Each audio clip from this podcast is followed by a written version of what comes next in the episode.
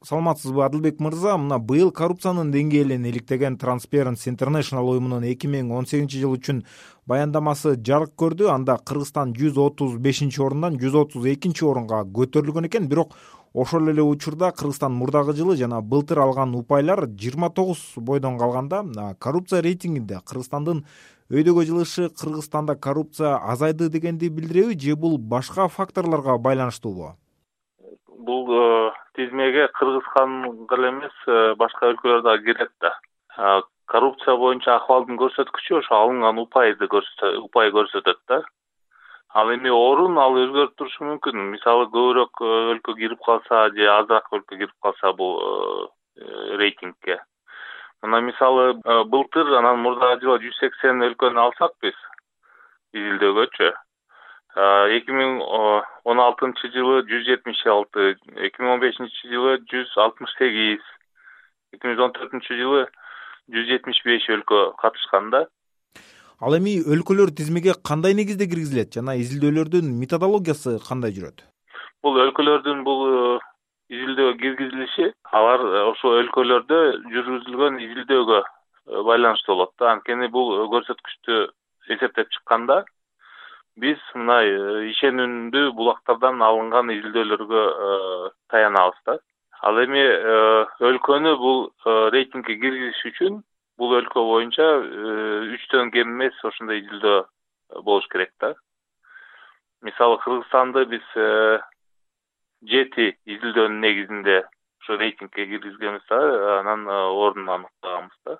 Мисалы мына дүйнөлүк банктын изилдөөлөрү дүйнөлүк экономика форумунун изилдөөлөрү global insight деген э, э, өлкөнүн кепилдик рейтинги деген бар. Бертельстон фондунун трансформация индекси дегени бар.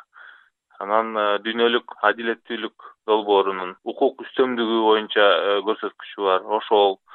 Анан демократия көрүнүштөрү деген изилдөө бар андан тышкары мына freedom housetун э, nations in transit деген изилдөөсү ошолор боюнча кыргызстандын э, көрсөткүчтөрү эсептелди да президенттик шайлоодон кийин келген бийлик анын ичинде президент өзү да учурда коррупция менен күрөш жигердүү жүрүп жатат деп ынандырып келет. Мисалы былтыр э, жылуулук электр борбору боюнча бир катар саясатчылар жана чиновниктер камалып соттук териштирүүлөр уланып келет. Бирок ал процесстер баяндаманын жыйынтыгына олуттуу таасир тийгизбегендей көрүнөт. Демек азыркы бийликтин коррупция менен күрөшүп жатабыз деген билдирүүсү суу кечпейби? Эми коррупция менен күрөшүүнүн өзү жолдору бар да. Э, мисалы бул коррупциянын натыйжасы менен күрөшүү бир жагы. Э ал эми коррупциянын себептери менен күрөшүү ал башка жагдай. Биз азыр көбүнчө көбүнчө көрүп аткан нерсе бул коррупциянын кесепеттери менен күрөшүү болуп атат да. Коррупция коррупционерди кармап аны камакка алып келип коюу ал коррупциянын кесепети менен күрөшүү да. Ал эми коррупциянын себептерин жоюу керек да.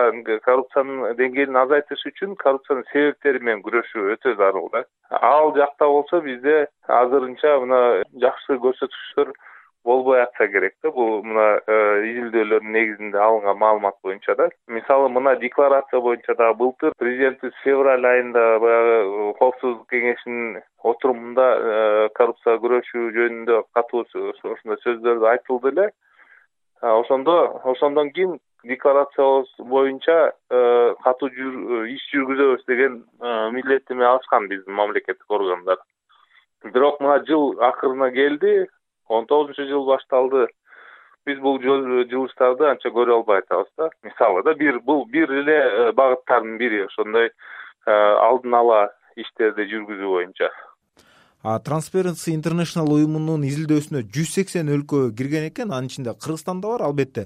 Анан кыргызстандын өкмөтү дейли же ошо сот системасыбы ошо сиздердин уюмуңуздар берген э, рекомендацияларга жана кеп кеңештерге сунуштарга көңүл бурабы аларды кабыл алып ошолорду аткарганга аракет кылабы?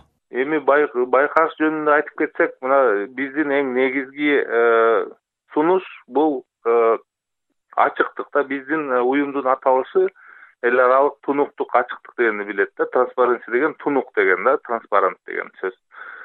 Ошондуктан бул өзү биздин уюмдун аты коррупцияга негизги бөгөт бул көмүскөдө жүрө турган нерсе болгондуктан ачыктык да ошол ачыктык тунуктукту ишке ашыруу керек деген сунуш бизде эң башынан бери берип келип отурабыз да. Бирок мисалы мына бир эле мисал келтирейин. Кыргызстан мына кен казып алуу жагынан биз бир эме демилгеге киргенбиз да. Кен казып алуу боюнча ошондой тунуктуктун демилгесине эки миң төртүнчү жылы биз э, ошого киребиз деген э, өзүбүзгө милдеттенме алып э, мына акыркы жылдары жакшы көрсөткүч деле көрсөткөнбүз. Бирок мына кечээ эле мен ошол демилгенин өкүлдөрү менен көрүштүм. Алар биздин мүчөлүгүбүз ошол демилгеде. Эки миң он жетинчи жылдан бери мына токтотулуп турат. Анан быйыл кыргызстан такыр ошол демилгеден чыгарып коюлушу мүмкүн деп атат да бул э, деле көрсөткүчтөрдүн бири болуп атат да. Анткени кыргызстан демек э, жетишерлик аракет жасабай атат э, ошол ачыктык тунукту өзү ишке ашырганда дегендердин көрсөткүчтөрдүн бири да. Бул бир гана мисал. Адылбек мырза чоң рахмат маегиңиз үчүн. Сизге рахмат. Биз менен маектешкен transparency international уюмунун кыргызстандагы өкүлү адылбек шаршымбаев болду